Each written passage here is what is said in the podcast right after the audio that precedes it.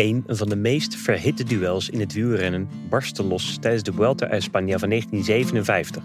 Toen Federico Bahamontes een voorsprong van 16 minuten verspeelde en daarmee zijn grote rivaal Jesus Loronio de gele trui op een presenteerblaadje gaf. Welkom bij een nieuwe aflevering van Chronieken, een podcast met historische wielerverhalen van Eurosport. Vandaag duiken we in een wielerverhaal dat sociale, politieke, economische, sportieve en persoonlijke conflicten combineert.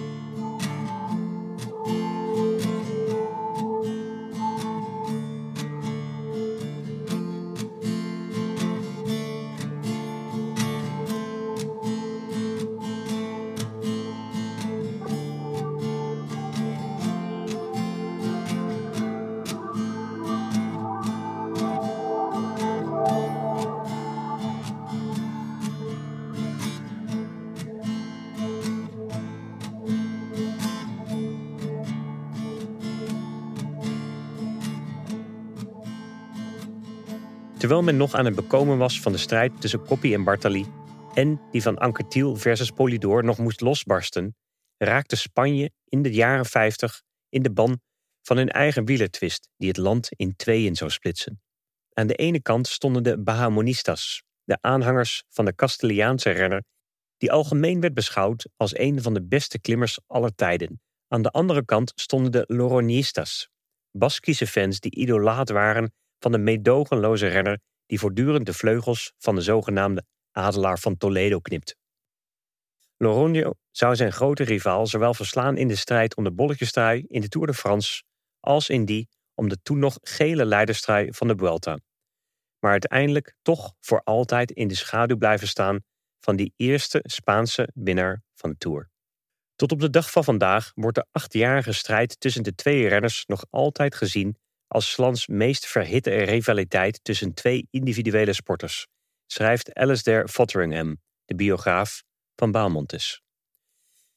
Door een bittere ruzie kwamen zij symbool te staan voor de verdeeldheid in het Spanje van Franco, het Baskenland tegenover Madrid. Een rivaliteit vermengde sociale, politieke, economische, sportieve en persoonlijke conflicten tot één geheel. Waar Loronio het separatisme vertegenwoordigde, vertegenwoordigde Bahamontes de eenheid. Hoewel niets wat hij op de fiets deed precies als verenigd kon worden beschreven als het om zijn eigen teamgenoten ging. Er werd gezegd dat Bahamontes en Loronio zo trots en zo koppig waren dat ze er alles aan zouden doen om de ander van de winst te houden, zelfs als dat ten koste ging van hun eigen kansen. Hoewel het bij Vlagen frustrerend was om te volgen, smulden de media ervan. De beledigingen over en weer, het weigeren om samen te werken en de voortdurende beschuldigingen van onsportief gedrag, vals spelen en verraad waren dagelijks voer voor de journalisten. En vele van hen konden de verleiding niet weerstaan om de zaak af en toe wat extra op te hitsen. Het was een rivaliteit die volgens Javier Bodegas, de biograaf van Loronio, groteske vormen van bedrog en externe invloed aannam. Zo zou Bahamonte zelfs beweerd hebben dat de staat invloed had uitgeoefend op de koers die hij in 1957 op dusdanig dramatische wijze verloor. Breed erkend als de grootste klimmer ooit in de sport, won Federico Bahamontes tussen 1954 en 1964 zes keer de bolletjestrui in de Tour de France. Maar het was Jesus Loronio een voormalige houthakker en loopgravenmaker, die in 1953 de eerste Spaanse bergkoning werd na de Tweede Wereldoorlog. Volgens Fotheringham was Bahamontes een klimmer in optima forma. Iemand die, zodra de weg steiler werd, als vanzelf naar voren opstoomde, met mokerslagen trappend. Hij was bergop zo sterk dat hij, naar verluid, op de top van een beklimming tijd had om te stoppen en een ijsje te eten terwijl hij wachtte op het peloton. Het is een lieflijk beeld, maar ook misleidend. De adelaar van Toledo genoot inderdaad tijdens zijn debuut in de Tour van 1954 op de top van de Col de Romeyer van een ijsje. Maar alleen omdat twee van zijn spaken waren gebroken en hij, terwijl hij ongeduldig wachtte op hulp, werd benaderd door een ijskomman. Dergelijke mythen hebben echter bijgedragen aan Bahamontes reputatie van een excentrieke Einzelganger een eenling met een slecht humeur, vatbaar voor kinderlijke woedeaanvallen en ooit door de grote Fausto Coppi beschreven als koppig als een muilezel. Geboren in 1928 in de buitenweide van Toledo, niet ver van Madrid, kwam Bahamontes uit een groot gezin dat in extreme armoede leefde voor en tijdens de Spaanse burgeroorlog. Ze hadden het zo zwaar dat Bahamontes later toegaf katten te eten die hij s'nachts met een katapult ving. De jonge Fede verviel ook tot kleine diefstallen, voordat hij genoeg geld had verzameld om in 1946 een fiets te kopen, die hij gebruikte om eten van dorp naar dorp te vervoeren en daar te verkopen op de zwarte markt. Nadat hij hersteld was van tyfus, reed hij in 1947 zijn eerste amateurwedstrijd, met slechts een banaan en een citroen als voeding, en slaagde erin om tweede te worden. Het was de start van een illustere carrière waarin Bahamontes het meeste uitblonk als de weg omhoog liep. Niemand kon de adelaar evenaren in zijn omstuimige, gepassioneerde, vastberaden aanvalstijl. Een lichtelijk bizarre neiging om aan te vallen om het aanvallen, schrijft Fotheringham in zijn biografie van Bahamontes, de adelaar van Toledo. Zijn tactisch inzicht was zo beperkt en zijn voorliefde voor rancune zo groot, dat Bahamontes bergop vaak kolossale voorsprongen opbouwde om ze vervolgens op het vlakke volledig te verliezen en daarbij iedereen, behalve zichzelf, de schuld te geven. De Castiliaan Bahamontes kon streekgenoot generaal Franco tot zijn fans rekenen. Het tweetal zou elkaar in ieder geval één keer ontmoet hebben. Dit onderscheidde Bahamontes al van de man die zijn grootste rivaal zou worden, de Baskische rouleur Loronio, die verre van een fan was van Franco en in plaats daarvan contact en zelfs familiebanden had met tal van fervente Baskische separatisten. De 2,5 jaar oudere Loronio had al vier grote rondes gereden en een toeretappe gewonnen voordat Bahamontes zijn toerdebuut maakte in 1954, waarbij hij de bolletjesstrijd won. Terwijl Loronio moest toekijken vanuit een ziekenhuisbed waarin hij beland was na een botsing met een motor eerder in het seizoen. Beide renners maakten deel uit van het Spaanse team voor de Vuelta van 1955. Maar het was pas een jaar later dat hun rivaliteit een tandje werd opgeschroefd. Los van de sport, schrijft Fotheringham, was er ook een belangrijke sociale kloof tussen de twee. Voor de Basken was Loronio een goed gebouwde, no-nonsense held uit de arbeidersklasse van het industriële en agrarische achterland van Bilbao, die het opnam tegen de meer excentrieke, grillige klimmer uit een stoffige stad in het zuiden. Hun persoonlijkheden konden absoluut niet meer van elkaar verschillen. Loronio was somber, pragmatisch, recht toe aan en nam geen blad voor de mond. Bahamontes daarentegen was veel wereldvreemder. Bahamontes, die al dronken werd als hij naar een glas alcohol keek, voelde zich naar verluid persoonlijk beledigd door Loronio's gewoonte om ook op koersdagen een fles wijn te drinken bij het avondeten. Bodegas schrijft dat het duo elkaar in het openbaar nog net kon respecteren, maar elkaar op de fiets verachten. Hun duels waren episch, aldus Bodegas. Ondanks dat ze in de grote rondes beiden voor de Spaanse nationale ploeg reden, bestookten ze elkaar met aanvallen, ongeacht wie er voorop lag. Ze reden veel wedstrijden met als enige missie ervoor te zorgen dat de ander niet zou winnen. Wat er destijds gebeurde is vergelijkbaar met het tribalisme dat we nu zien in het voetbal, met aanhangers van de ene renner die de andere uitjouwden en vice versa. Ook veel journalisten kozen een kant. Soms waren zij het zelfs die dicteerden wanneer één van de twee aanviel. Hun rivaliteit was kortom grotesk in plaats van sportief en daarom probeerden veel derde partijen ervan te profiteren. In 1956 hielp eerst Loronio de Italiaanse klassementsleider en latere winnaar Angelo Conterno een handje in de achtervolging op een ontsnapte Bahamontes, die op dat moment tweede stond in het klassement. Waarna de adelaar, de Italiaan, op zijn beurt een dienst bewees in de achtervolging op de Basque. Uiteindelijk won Conterno dus die Vuelta, met niet meer dan 13 seconden voorsprong op Loronio. Het bleek slechts de opmaat te zijn naar de Vuelta-editie van 1957, toen de onderlinge ruzies binnen het Spaanse kamp nog hoger opliepen, zoals dat later ook zou gebeuren tussen Greg LeMond en Bernard Hinault in de Tour van 1986, en tussen Steven Roach en Roberto Vicentini in de Giro van 1987. Simpel gezegd, de grootste ploeg in de Vuelta van dat jaar werd van binnenuit verscheurd, maar slaagde er toch in de eindzege te pakken. Terwijl Bahamontes en Loronio de twee onbetwiste hoofdrolspelers waren in dit wielerdrama, zou een derde renner een belangrijke rol opeisen. Ook al was hij gedegradeerd tot een van de vier regionale Spaanse teams, Bernardo Ruiz. De Spaanse veteraan, winnaar van de Vuelta in 1948, had beide mannen eerder in het seizoen verslagen door de Ronde van Valencia te winnen. En met veel van zijn oude Faema-teamgenoten in de Spaanse A-ploeg hoopte Ruiz op een buitenkansje. Een vierde sleutelfiguur was Luis Puig, de Spaanse ploegleider. Hij vond het een goed idee om met de twee uitgesproken favorieten in één team af te reizen naar de Vuelta. Het was volgens hem de beste kans op succes. Het was ook een manier om geen keuze te hoeven maken tussen de twee kempanen.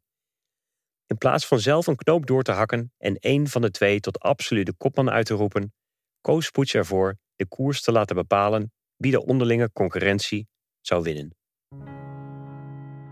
Poets was een allemansvriend, iets wat hem geen windeieren heeft gelegd in zijn carrière, waarin hij het uiteindelijk zelfs tot president van de UCI schopte. Maar wat geen goede eigenschap was voor een ploegleider die twee toprenners in het gereel moest houden, schrijft Fotheringham. Poets legde buitensporig veel vertrouwen in Ruiz, die, buiten zijn weten om, in het kamp van Loronio zat en trok vervolgens zijn handen van belangrijke conflicten af. Het kostte de Spaanse wielerfederatie twee jaar en een enorm schandaal in de Tour de France om te beseffen dat bij types als Loronio en Baramontes in één selectie ze beter iemand konden kiezen die bereid was om de koppen bij elkaar te steken. Puig was zich terdege bewust van zijn ondankbare taak. Met twee monsters in de gelederen moet ik coördineren wat niet gecoördineerd kan worden, zei hij. Met Bahamontes als kopman van een team vol bondgenoten van Loronio was het, in de woorden van Fotheringham, een recept voor totale anarchie. Het vroege voordeel ging naar Loronio, die twee minuten voorsprong nam op zijn tegenstanders na in de openingsrit mee te zijn geglipt in de ontsnapping. Twee dagen later kreeg vervolgens Bahamontes de overhand, nadat hij er vandoor ging met landgenoot Salvador Botella. En daarna in de Asturische bergen solo naar de overwinning en de leidende positie in het klassement fietste. Loronio verloor maar liefst 13 minuten, maar probeerde de volgende dag al terug te slaan. Wetende dat zijn rivaal een hekel had aan de kou, wilde hij onderweg naar Lyon gebruik maken van een voorspelde sneeuwstorm. Maar de organisatoren schortten de etappe op naarmate de omstandigheden verslechterden. Woedend weigerde Loronio af te stappen op de Pagarespas en bleef hij doortrappen tot hij van zijn fiets werd gehaald. In de zesde etappe naar Madrid stond Bahamontes de leiding af aan Botella, een trouwe bondgenoot en Faema-teamgenoot van Ruiz. Het was het eerste deukje in Bahamontes vertrouwen in zijn team. En dan met name in Puig, die naliet hem te waarschuwen voor de groeiende voorsprong van de vluchters. In de daaropvolgende etappe kreeg Bahamontes tijdens de klim naar Navacerrada een lekke band. Loronio gaf hem, dat moet gezegd worden, vrijwillig een reserveband. Hoewel hij later toegaf dat hij spijt had van zijn vriendelijke daad. Immers, in de daaropvolgende achtste etappe naar Cuenca, met een beetje hulp van het Franse team, een masterclass klimmen en liep zo nog eens drie minuten verder weg van zijn rivalen en heroverde de gele trui. Loronio leek inmiddels volledig kansloos voor de eindzege. Met maar liefst 15 minuten en 54 seconden achterstand in het algemeen klassement. Maar het echte drama moest toch beginnen. Ruiz vertelde vele jaren later aan Fotheringham. Vede had tijdens die Vuelta van 1957 meer vijanden binnen de nationale ploeg dan daarbuiten. En zijn opvliegende Castiliaanse karakter zou hem dit keer duur komen te staan. Zodra etappe 10 van Valencia naar Tortosa begon, koos Ruiz met twee anderen de aanval op de kustweg. Loronio sloot zich kort daarna aan met vier anderen, terwijl Bahamontes druk bezig was in de achterhoede van het peloton. Volgens Fotheringham herinnerde profrenner uit de jaren 50, Luis Otaño, zich later dat Loronio tegen hem zei Tijdens die ontsnapping riep Ruiz: Ga, ga, Jesus. Bahamondes is gelost en jij gaat de Vuelta winnen. Jij bent beter dan hij. Verdomme, ga, rij.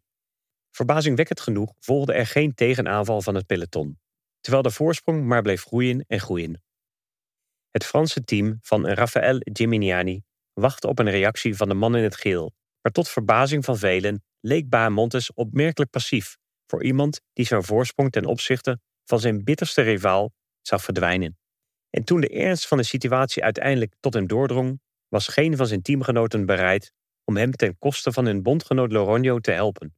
Bahamontes ging zelfs zo ver dat hij later beweerde dat toen hij probeerde de kloof te overbruggen, verschillende van deze teamgenoten zijn broekje vasthielden en hem terugtrokken. Zoals Ruiz aan vordering hem uitlegde, met Loronio voorop en met al mijn Faema-teamgenoten en vrienden in het nationale team erachter, wilde niemand voor Bahamontes werken. Bahamontes was de klassementsleider, hij had die Vuelta kunnen winnen. Hij had hem moeten winnen, maar hij wist niet hoe hij zijn teamgenoten voor zich kon winnen. Aanvankelijk had Puig blijkbaar aan Loronio opgedragen om zich terug te laten zakken. En er zijn zelfs mensen die beweren dat hij meerdere pogingen heeft gedaan om met zijn auto de weg te blokkeren, terwijl hij zijn renner opdroeg om te stoppen. Maar Loronio reed gewoon om de blokkade heen en schreeuwde naar Puig dat hij niet zou stoppen, zelfs niet als de Guardia Civil me komt halen. Toen de marge eenmaal opgelopen was tot in de dubbele cijfers, kon de besluiteloze Spaanse ploegleider weinig anders doen dan zijn handen wassen in onschuld. De Italiaan Bruno Tognacini pakte de overwinning, maar in Tortosa werd vooral gesproken over de verbijsterende voorsprong van 21 minuten en 59 seconden die de kopgroep op het peloton had genomen. Loronio, de nieuwe drager van de gele trui, was van 16 minuten achterstand op Bahamontes naar een voorsprong van 6 minuten gegaan. S'avonds kwam het in het teamhotel bijna tot een handgemeen tussen de twee renners. En Bahamontes weigerde met zijn teamgenoten te dineren. Hij liet het er niet bij zitten en ging in de volgende etappe van Barcelona naar Saragossa in de aanval. Loronio achtervolgde hem en het duo bleef elkaar beledigen, terwijl een vlucht van vijf renners ze passeerde. Dit zette de onsmakelijke toon voor de resterende koersdagen. De spanning liep zo hoog op dat de Spaanse wielerfederatie na de dertiende etappe naar Huesca ingreep door het tweetal in een telegram te dreigen dat zij uit koers zouden worden genomen als zij hun gedrag niet verbeterden. Een in alle el op poten gezette vredesoverleg tussen het duo en hun bemiddelaars resulteerde in het Pact van Huesca. Bahamontes en Loronio deden vervolgens alsof ze het bijlegden en voor het oog van de camera's schudden zij elkaar de hand. Maar niemand trapte erin en het geruzie zou doorgaan tot aan Bilbao. Ze bleven elkaar de hele tijd uitschelden, herinnerde Ruiz zich. Het was ongelooflijk, als iets uit een film. Minder dan 24 uur na die geanceneerde handdruk reed Bahamontes, die die nacht de handdoek in de ring had willen gooien, maar uiteindelijk werd overgehaald om door te gaan, de 85 kilometer lange tijdrit met een illegaal voorwiel met 28 spaken van een baanfiets. Het hielp hem om tweede te worden, slechts 6 seconden achter zijn rivaal. Een daaropvolgende straf van 1 minuut zag Bahamontes naar de derde plaats zakken, maar zijn acties maakten Loronio woedend. Hij beweerde dat de tijdstraf in schril contrast stond met het voordeel dat Bahamontes aan het gebruik van het wiel had gehad. Bahamontes, zo schreef El Mundo Deportivo, viel aan en viel aan en viel aan. Toen de koers Frankrijk binnenreed voor een etappe naar Bayonne en de volgende dag terugkeerde naar San Sebastian. Maar telkens als hij een kloof sloeg, wist Loronio hem terug te halen, vaak met een beetje hulp van Ruiz die reed om zijn eigen plek op het podium te beschermen. Zelfs op de voorlaatste dag, toen werd afgesproken dat Bahamontes op de laatste klim kon wegrijden om het bergklassement te winnen en zijn tweede plaats in het algemeen klassement veilig te stellen, vertrouwde een argwanende Loronio zijn aardsvijand niet en schoot weg in achtervolging. Puig beval Loronio om zich terug te laten zakken, maar de man in het geel antwoordde dat hij vreesde dat Bahamontes na de top zou blijven aanvallen. Aan de andere kant beweerde Bahamontes, zodra hij hoorde dat Loronio hem achtervolgde, dat het pact ongeldig was. Dus zou hij zich niet langer aan de afspraak houden om na de top in te houden. Het was een scenario dat zelfs Joseph Hellers Jossarian aan het krabben zou hebben gebracht. Uiteindelijk beval Puig, naar verluid, een van de organisatoren van de koers om Bahamontes in de afdaling met zijn landrover te blokkeren. Weer zo'n mythische gebeurtenis die nu onmogelijk te verifiëren is. Op de laatste dag ontstond een padstelling. Toen Loronio voor een enthousiast Baskisch thuispubliek naar Bilbao reed om zijn eerste en enige Vuelta te winnen. Achter hem werden Bahamontes en Ruiz tweede en derde. Spanje had zijn eerste Vuelta-winnaar in zeven jaar. maar het was ver van de harmonieuze aangelegenheid die zo'n resultaat had moeten opleveren. Vidde zegt dat we hem die Vuelta hebben afgepakt, zegt Ruiz 50 jaar later. Maar hij liet zichzelf verliezen. En degenen die wisten hoe ze moesten koersen, versloegen hem. Loronio zei op zijn beurt tegen Fotheringham: Ik heb geen moment gedacht dat ik die Vuelta kon winnen. Maar op twee derde van die etappe naar Tortosa was het vrij duidelijk wat er aan het gebeuren was. Als Bahamontes daar niks tegenin kon brengen, kwam dat omdat hij zelf niet goed genoeg was. Hoewel hij destijds niet zei, beweerde Bahamontes later dat zijn afwachtende houding in die doorslaggevende etappe het resultaat was van een overheidstelegram van de minister van Sport, José Antonio Elola, die hij aan de vooravond ervan in Valencia had ontvangen. Daarin werd hem opgedragen de koers in het voordeel van Loronio te laten beslissen. Aangezien Spanje op dat moment een militaire dictatuur was, zou het negeren van dergelijke orders een gevaarlijk spel zijn geweest, zelfs voor de topwielrenner van het land. Het is op het eerste gezicht zeker een vreemde beschuldiging. Loronio was immers Baskisch. De Vuelta werd geleid door een Baskisch bedrijf en de regio Euskadi, waar Loronio vandaan kwam, was een constante doorn in het oog van Franco, een dictator die Balmontes naar verluid steunde. Maar, zoals Fotheringham uitlegt, in plaats van iemand uit het gebied van Madrid te laten winnen, gelooft Bahamontes dat de handlangers van Franco de Basken een overwinning gunden om de lokale trots tevreden te stellen. Met andere woorden, het was een tactische, politieke concessie. De manier waarop Bahamontes op de aanvallen van Loronio had gereageerd, had voor veel ongeloof en gefronste wenkbrauwen gezorgd. Zo schreef een journalist van El Mundo Deportivo onder meer: Ik begrijp niet wat er is gebeurd en waarom een renner die zo hard heeft gevochten om de Leidenstraat naar Madrid te brengen, hem zo onaangenaan uit zijn handen liet glippen. Schrijft Aesopes niet in één dag zijn fabels over een man die jaren en jaren werkt om een fortuin op te bouwen en het dan rustig in een mijnschacht gooit? Dat is wat Bahamontes gisteren met zijn gele trui heeft gedaan. En als Bahamontes inderdaad gehoor had gegeven aan bevelen van hogerhand, waarom deed hij dan zo zijn best Waarom deed hij dan zo zijn best om in het restant van de koers de leiderstrijd terug te winnen? De biograaf van Baamontes ziet de bewering van de renner als een van de vier mogelijke verklaringen voor zijn gedrag in die etappe naar Tortosa. De andere drie zijn slordigheid, een plotselinge onverschilligheid en een gebrek aan teamondersteuning. Alle drie zijn ze eerlijk gezegd volkomen geloofwaardig gezien de reputatie van Baamontes. Wat de waarheid ook is, en het is belangrijk om te kunnen benadrukken dat Bahamontes nooit het bestaan van dat beruchte telegram heeft kunnen bewijzen. Er valt niet te ontkennen dat het tot aan Bahamontes dood eerder dit jaar een pijnlijk onderwerp voor hem is gebleven. En hij de rittenkoers die voor altijd zal ontbreken op zijn palmares kleinerend afdeed. De Vuelta, in die tijd was het gewoon een beetje een grap, zei minachtend tegen Fotheringham in de Adelaar van Toledo. Toen Loronio er in 1958 voor koos om de Tour niet te rijden nadat hij zichzelf had uitgeput in de Giro, werd Bahamontes eindelijk de onbetwiste leider van het Spaanse team. Hij maakte gebruik van deze kans door twee etappes en de bolletjesstrijd te winnen, maar behaalde in het algemeen klassement slechts achtste plaats, terwijl de Luxemburger Charlie Gaulle als eerste eindigde.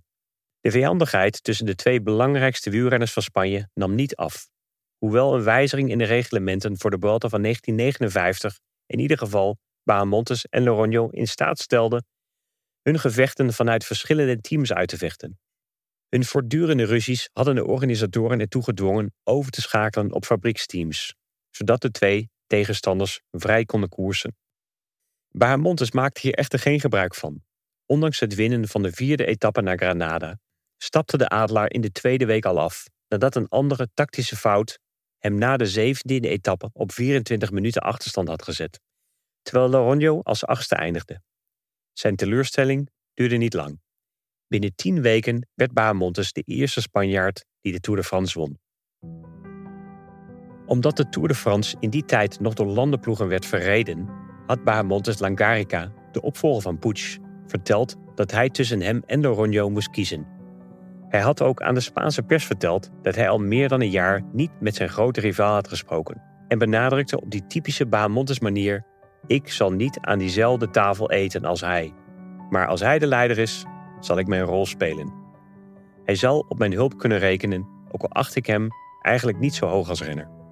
Loronio was minder verzoenend en benadrukte dat hij nooit voor een andere Spaanse renner zou rijden. En vooral niet voor die man uit Toledo. Om het nog ingewikkelder te maken, had een derde Spaanse renner, Antonio Suarez, die lente de Vuelta gewonnen en verwachtte hij natuurlijk ook een rol te spelen. Langarica nam uiteindelijk de beslissing die de juiste bleek te zijn. Hij liet Loronio vallen, die dat seizoen ook nog geen enkele koers had gewonnen, ten gunste van Bahamontes. En de rest, zoals ze zeggen, is geschiedenis. Bahamontes verzekerde zich van de eindoverwinning dankzij een uitstekende rit door de Alpen. Twee dagen nadat hij de tijdrit bergop op de slapende vulkaan Puy de Dôme had gewonnen. Naast zijn gele trui won hij ook een derde bolletjestrui. Het Franse duo Henri Anglade en Anquetil eindigden ver achter hem als tweede en derde op het uiteindelijke podium. Na de tragische dood van Fausto Coppi in januari 1960 was Bahamontes teruggekeerd naar een Loronio-loos Faima-team. Maar de Basque mocht dan uit beeld zijn verdwenen. Een andere oude vijand was er nog steeds. Bernardo Ruiz. De nu gepensioneerde redder, die openlijk een hekel had aan Bahamontes, was ploegleider geworden. En Ruiz gaf voor de start toe dat ze elkaar alleen wederzijds tolereerden.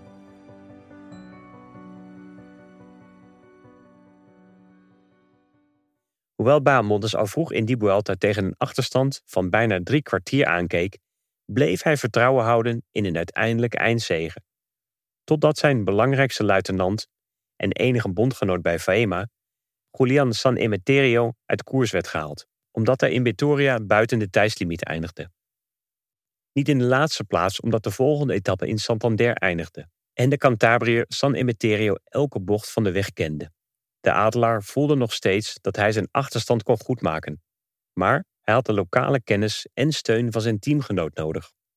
Bahamontes dreigde zich terug te trekken, tenzij San Emeterio weer werd toegelaten. En laatstgenoemde verscheen zelfs in tenue aan de start van de 15e etappe, om vervolgens alsnog te worden weggestuurd. Gloeiend van woede besloot Bahamontes voor opschudding te zorgen door de race belachelijk te maken hij zou de etappe zo langzaam rijden dat de organisatoren hem, de regerende Tour de France kampioen, ook uit de Vuelta zouden schoppen. En dus vertrok hij te midden van gefluit en beledigingen van fans langs de kant van de weg op een wandeltempo uit Vitoria. Bovenop de eerste beklimming stopte hij, dit keer niet om ijsje te eten, maar om een beledigende fan van Loronio met zijn fietspomp te slaan. Er ontstond een massale vechtpartij, Paraplu's en flessen vlogen door de lucht en er werden foto's gemaakt. Bahamontes was erin geslaagd om de Vuelta door het slijk te halen, voordat hij later op de dag zijn doel bereikte door buiten de tijdslimiet de streep te passeren. Tevergeefs probeerde de Vuelta-arts later de aandacht af te leiden door te beweren dat Bahamontes blinde darmontsteking had, maar dat werd door niemand geloofd. Bahamontes zou pas vijf jaar later terugkeren naar de Vuelta, in zijn laatste seizoen als prof toen hij als tiende eindigde. Zes jaar na zijn toeroverwinning reed hij die ronde voor de laatste keer. Bahamontes gaf er in zijn vertrouwde Pyreneeën op geheel eigen wijze de brui aan. Hij ontsnapte voor de beklimming van de Portet d'Aspet aan de greep van het peloton. En terwijl zijn collega's waarschijnlijk veronderstelden dat hij op jacht was naar punten voor de bolletjestrui, stapte de Spanjaard van zijn fiets en verstopte zich in de struiken. Hij liet de onwetende renners passeren en stapte vervolgens doodgemoederd in het ploegleiderswagen. En dat was dat. Aan het einde van dat seizoen ging hij met wielerpensioen en opende een fiets- en motorwinkel in Toledo, die hij tientallen jaren zou runnen. Zijn zelfdestructieve rijstijl, de woedeaanvallen en de talloze opgaves, met name in die thuisronde, die hem altijd zou blijven ontglippen, werkten hem tegen maar maakte hem tegelijkertijd tot de unieke renner die hij was. Ter gelegenheid van zijn 85ste verjaardag riepen zeven van de negen experts in L'Equipe hem in 2015 uit tot de beste klimmer in de toergeschiedenis. Hij heeft nooit een monument gewonnen, noch heeft hij ooit de Vuelta of de Giro gewonnen. Maar zijn enkele toeroverwinning en in totaal zes gewonnen bergtruien zorgden ervoor dat de adelaar van Toledo de geschiedenis inging als een van de grootheden van het wielrennen. Bahamontes had veel meer kunnen bereiken. En toch had hij mogelijk geen blijvende indruk gemaakt als hij het niet had gedaan op de manier waarop hij het deed. Op die bijzondere, eigenwijze en prikkelbare manier waarvoor hij voor altijd zal worden vereerd. Vereerd althans als je geen deel uitmaakt van de familie Loronio.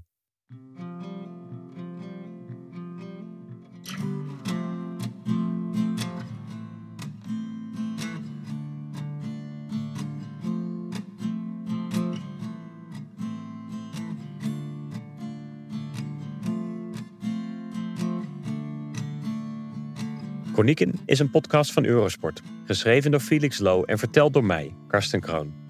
Bewerking en eindredactie zijn van Sander Grasman en productie door Fabian Collau. Meer stukjes wielenhistorie door Felix zijn te vinden op Twitter via @zettelblaze. Als u mij wilt volgen, kan dat via @karstenkroon op Twitter. Eurosport volg je via @eurosport_nl.